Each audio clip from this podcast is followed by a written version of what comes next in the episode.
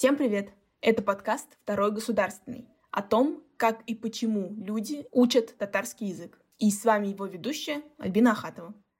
В новом выпуске мы продолжаем тему семьи. На этот раз мы обсудим с основательницей полилингвальных детских садов и Кембриджской школы Баласити Насыровой, как пробудить в детях любовь к татарскому языку и татарской культуре, как сохранить ее в подростках и как сделать и то, и другое, даже если вы не живете в Татарстане и сами не говорите на татарском языке.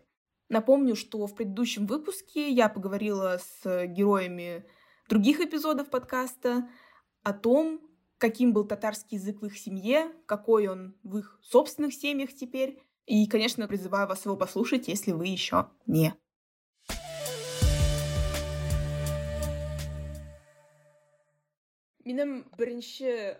Я хочу сразу же задать вам вопрос, который меня очень волнует.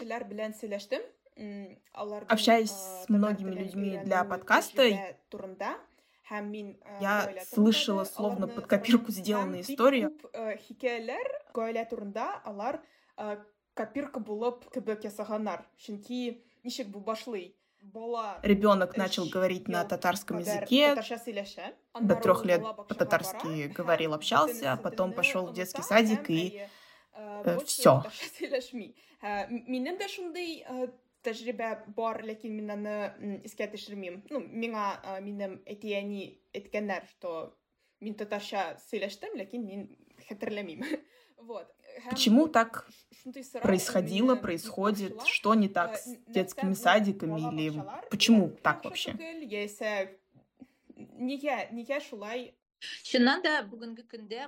И правда, это одна из наипервейших проблем сейчас. То, что дети не говорят на татарском. Так сказать, им это не нравится. Им это не интересно. Ребенок, который начал говорить на татарском языке, пойдя в школу или в детский сад, быстро теряет практику разговорной речи.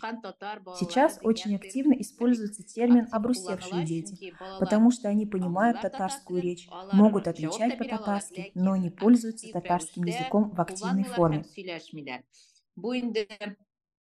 Здесь есть разные факторы. В первую очередь, когда ребенок приходит в детский сад, вне зависимости в русскоязычный или татароязычный, самое важное – это татароговорящая среда. И у нас есть самое главное категоричное правило. Один учитель, один язык. Если татароязычный преподаватель или воспитатель создает татарскую среду, является ее примером, примером, то он должен и разговаривать только на татарском. А в татарских группах, садиках, которых не так уж и много, по-хорошему устроить среду не очень получается. Если дети не слышат татарскую речь ни дома, ни на улице, ни где-либо еще, они переходят на русский язык и на нем общаются. Так что на сегодняшний день это очень большая проблема.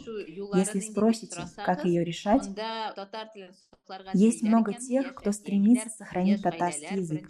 Молодые родители в первую очередь. Нужно отдавать детей в татарские детские сады создавать чистую татарскую языковую среду, чтобы воспитатели говорили по-татарски все время, в течение всего дня. И когда мне на глобальном уровне задают этот вопрос, как мы можем сохранить татарский язык? Конечно же, с помощью татарских групп, татарских детских садиков, татарских гимназий. Если их будет больше, то и уровень знания татарского языка среди детей вырастет. Также вторая проблема.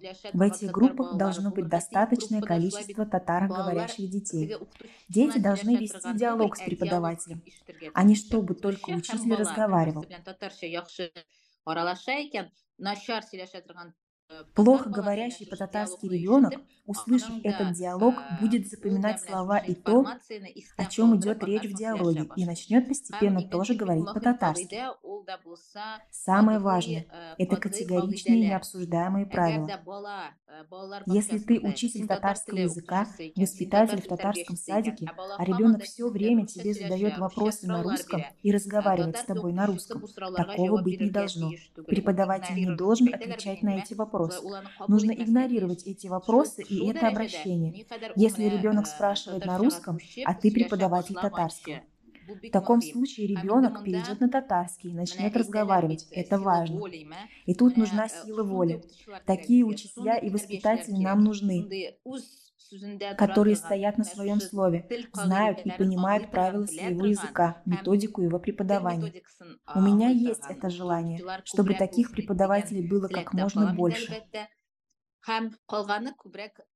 А остальное во многом зависит от семьи. Еще вот что важно. Хоть ребенок находится в татароязычной среде татарской группы детского садика, потом ведь начинается школа, где также нужно поддерживать татароязычную среду. У меня были уроки татарского языка в школе, но они мне не очень нравились. Изменилось ли сейчас что-то в методике преподавания татарского языка? Очень хороший вопрос. Я с вами согласна. Современные дети много чего видели, много что знают, смотря красочные мультфильмы. Заинтересовать их, конечно же, сложно. И нам, учителям, нужно проводить уроки современно, чтобы интересно было детям. Рассказывать сказки из бабушкиного сундука уже немного не то. Нужно что-то актуальное, современные темы и проекты. По мне, так можно вести занятия на татарском в виде клубного общения. Например, современные дети любят ходить в IT-клубы и заниматься робототехникой. Почему бы нам не вести эти клубы робототехники на татарском? И если дети начнут ходить в эти самые разнообразные клубы, то так в них можно будет разбудить интерес к татарскому языку. Что я еще хочу сказать? Сейчас есть очень хорошие учебники «Салям», они современные. Есть же кембриджские учебники для изучающих английский. Вот салям такие же, красивые, в ярких цветах сделаны.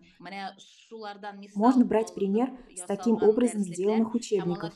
Они действительно очень качественные. Детям нравится их брать в руки. Так что, как мне кажется, из года в год количество интересных проектов растет. И сравнивая с предыдущими годами, появляются и интересные методики преподавания. Тут многое зависит от личности преподавателя. Если он с этим красивым учебником по интересной методике увлеченно преподает ребенку, то, конечно же, дети будут с удовольствием ходить на уроки татарского языка. Хочется свой опыт в пример тоже привести, ведь наша школа мультилингвальная. Наши дети учатся на четырех языках. У нас и не татарская гимназия, потому что у нас учатся дети из разных народов. Греки, тюрки, русские, якуты и много других. И все они учат татарский язык. Каждую неделю у них по два урока татарского. Наша самая главная и важная цель – сделать так, чтобы преподаватели учили креативно, интересно, современно. Так что да, здесь многое зависит от личности преподавателя.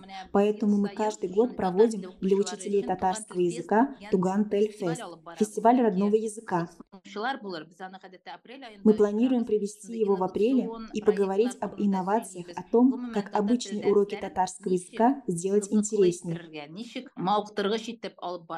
В практической форме учителя татарского будут делиться своими методами, приемами. Так что в апреле-мае добро пожаловать на фестиваль. Участвуйте. Узнаете всякие новинки. Еще один проект у нас есть, как по мне, очень интересный. Люди должны о нем знать. Умные игры. Настольные игры на татарском языке. В этом учебном году 100 муниципальных и государственных детских садов примут участие в этом проекте. Это будет как клуб, урок, на котором они учат татарский язык, играя в настольные игры. Умные настольные игры на татарском языке.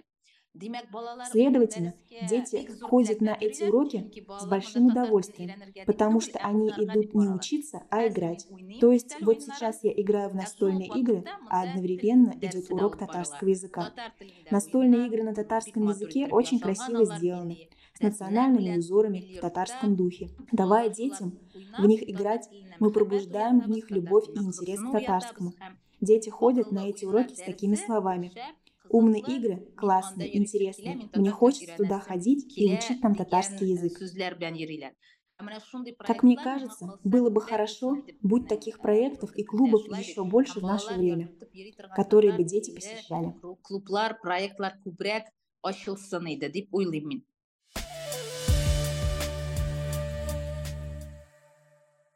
Также после общения с героями предыдущих выпусков у меня осталось такое ощущение, что будто бы наши родители не учили нас специально татарскому языку.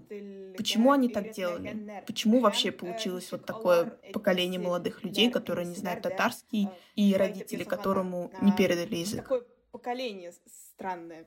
Я это понимаю.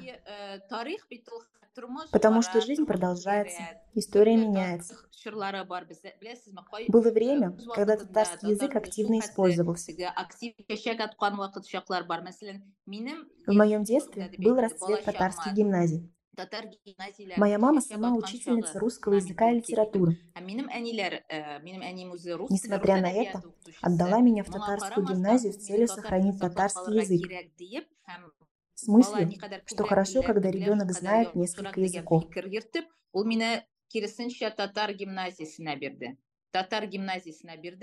Так что мой язык сейчас – это в первую очередь взятый из татарской гимназии знаний. Ведь все предметы в татарской гимназии преподавались на татарском. Это все стало огромным фундаментом, большой работой, высоким уровнем. Так что я очень благодарна сейчас своей маме, что она отдала меня учиться в татарскую гимназию.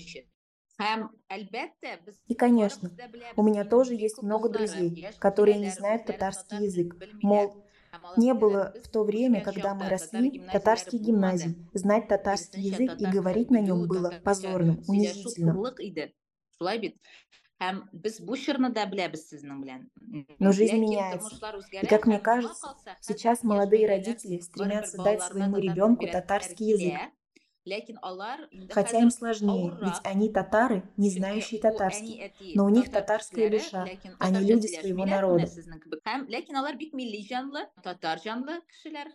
И это, конечно, очень радует и восхищает. Это тоже очень важно, потому что гордость за то, что я татарин, татарка, исходит от родителей. Но тут у нас возникает другая проблема. Нужно создавать для молодых родителей курсы языка,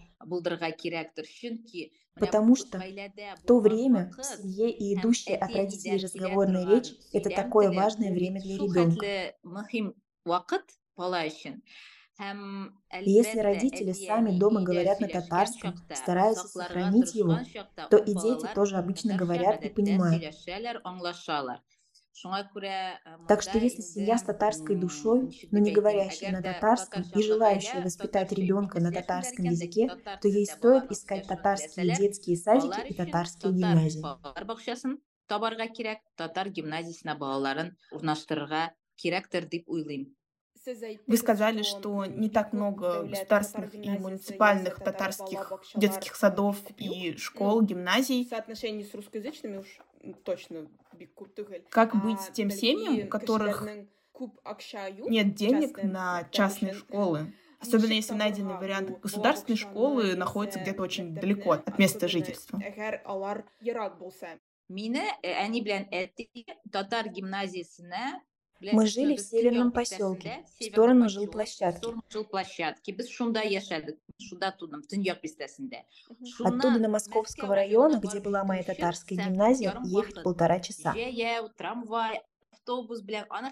Сейчас об этом скажешь, если современные дети поражаются. Мол, ужас, разве можно так долго в школу ехать? Но раньше мы так ездили, и это было обычное дело. Я считаю, что ради хорошей школы родители должны ребенка возить, даже если это очень далеко. да татар А татарских школ не очень много. Так что родители с сильной мотивацией найдут и садик, и школу. И на сайте Министерства образования можно их список найти. Они бесплатные. И говоря о Казани, Есть очень много красивых татарских садиков. Частные садики тоже есть. балалар бакчалары бар анда да мөрәҗәгать итәргә була Сейчас строят новые э, муниципальные муниципаль школы, И мне известно о желании в некоторых э, школах, например, из набранных 10 алганнар, первых классов, один сделать с обучением на татарском языке. Так что надо узнавать. Конечно, если это русскоязычная школа и есть возможность сделать в ней татарские э, классы, то нам, родителям, надо узнавать, интересоваться, обращаться. Һәм әлбәттә задавать вопросы. ашкынырга теләк булганда, әлбәттә һәрбер әти-әни э, татар балалар бакчасын, татар мәктәбен таба ала.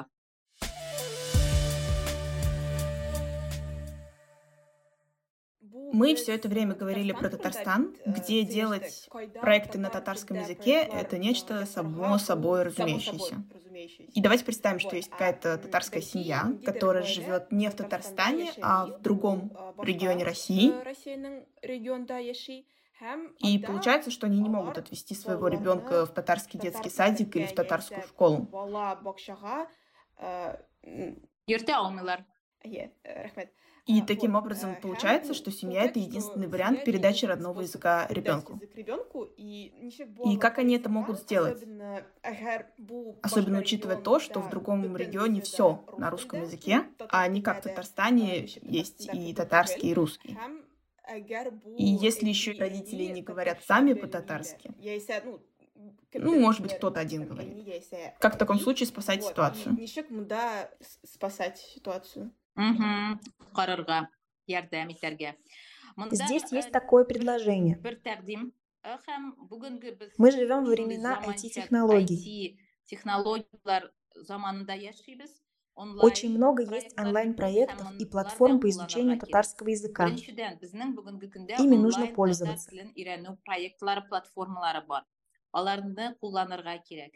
И это должно быть систематически, в течение всего года, а не так, что сегодня позанимался, а завтра нет. Так быть не должно. Если два-три раза в неделю систематически родители будут давать возможность онлайн заниматься ребенку уроками татарского языка, то это будет бу очень большой возможностью изучить язык. Например, у нас есть наша землячка. Она живет в Канаде, и у нее есть своя онлайн-школа татарского языка, в которой собрались учителя и ученики со всех уголков света.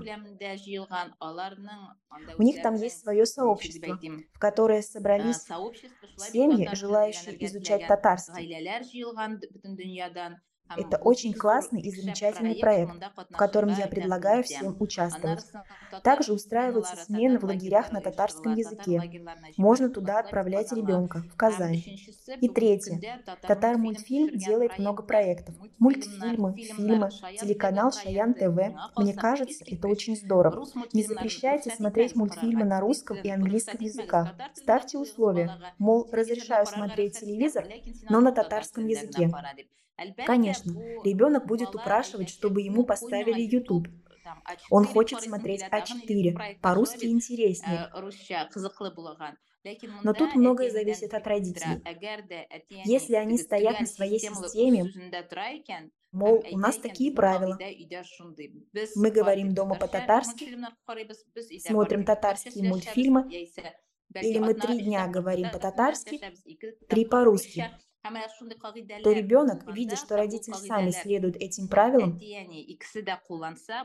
тоже начинает пользоваться языком и общаться на нем, и от этого, безусловно, будет польза. булачак. Это работает только с маленькими детьми или с теми, кто постарше тоже? щенки. Потому что ребенок ведь вырастает в подростка, а подростки очень сопротивляющиеся и бунтующие, ну, сами по себе. Да, сопротивляющиеся, вот. И здесь может возникнуть какое-то отторжение, обесценивание ну, татарской культуры и татарского языка. Много проектов для детей детсадовского возраста.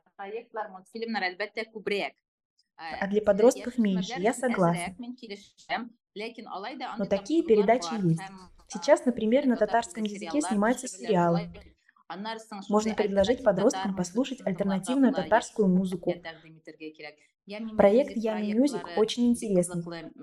Я говорю по-татарски. Есть ежегодный проект, но в нем много подростков участвует. Есть лагерь «Солят» для подростков. Мне не хочется утверждать, что все плохо. Мне наоборот хочется сказать, что человек, который хочет, найдет и будет участвовать. Не нужно ныть, мол, мне нужна помощь, как разбудить в ребенке любовь к татарскому языку. Потому что очень многие дети берут от нас. Поэтому многое зависит от нас. Давайте сами поможем детям покажем, расскажем,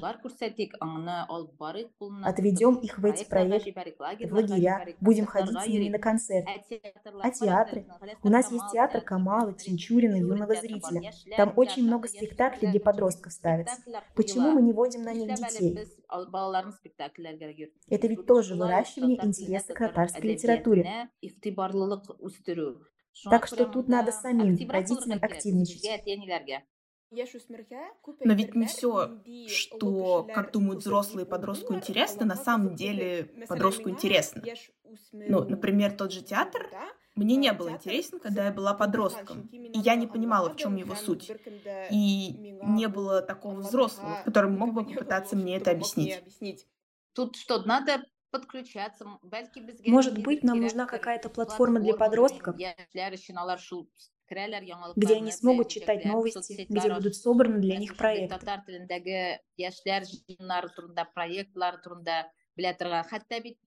Даже если не хочется ходить на татарские спектакли, сейчас ведь даже есть татарский стендап, татарский КВН для молодых людей организовывают. Как по мне, все это есть, надо искать, находить это. Конечно же, вы сравниваете это со своим временем. Это время прошло. Сейчас нужно смотреть в будущее. И это у вас очень хорошая идея. Вы берете интервью, рассказываете. У вас это очень хорошая миссия, потому что вы другим людям сообщаете какие-то новости, новые вещи, знакомитесь с новыми открытиями, находите новые контакты. И это очень хорошо. Так что я желаю вам успехов. Ведь нужно, чтобы молодые люди в татарском мире были активны и участвовали в имеющихся проектах.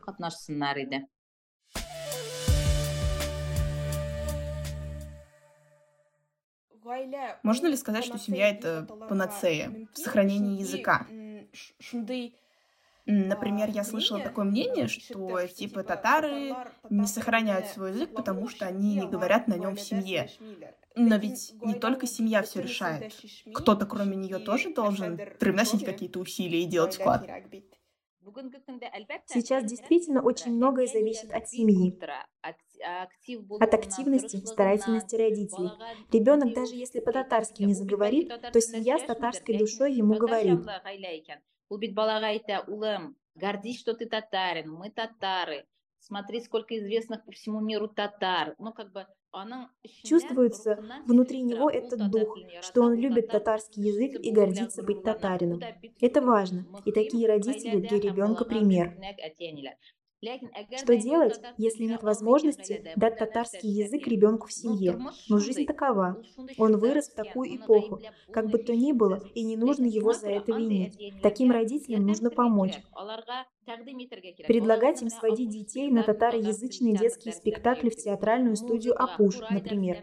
Водите детей на уроки курая. Курай – очень народный инструмент. В первую очередь в детях, играющих на нем, он пробуждает любовь к татарской духовности. Много разных примеров есть. Видите, пробудить в детях чувство и любовь к татарскости. Не живите с мыслью, что это конец, раз вы не говорите в семье по-татарски. Ищите сами другие возможности, которые позволят погрузить вашего ребенка в татароязычную среду. Всегда нужно жить с оптимистичным взглядом. Все мы умираем, все исчезаем. Татарские умирают. Такие мысли часто приходят, часто такое слышу. Я сама оптимистка, так что татарский язык не умирает. Будущее татарского языка вселяет надежду. Самое главное – быть вместе, выращивать друг друга, помогать, одобрять, создавать и поддерживать проекты друг друга. Какой бы проект на татарском языке не вышел, Хорошо, пусть будет, он нужен. Сколько не открывается проектов для языка, народа, все это хорошо.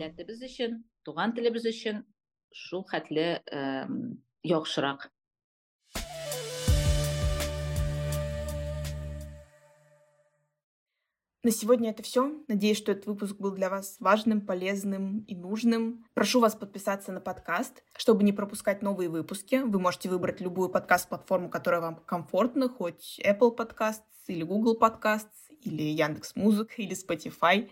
Если вам нравится то, что я делаю, вы можете написать отзыв на Apple Podcasts или CastBox, поставить сердечки в Яндекс Музыке, а также подписаться на соцсети подкаста, ссылки на которые вы найдете в описании выпуска.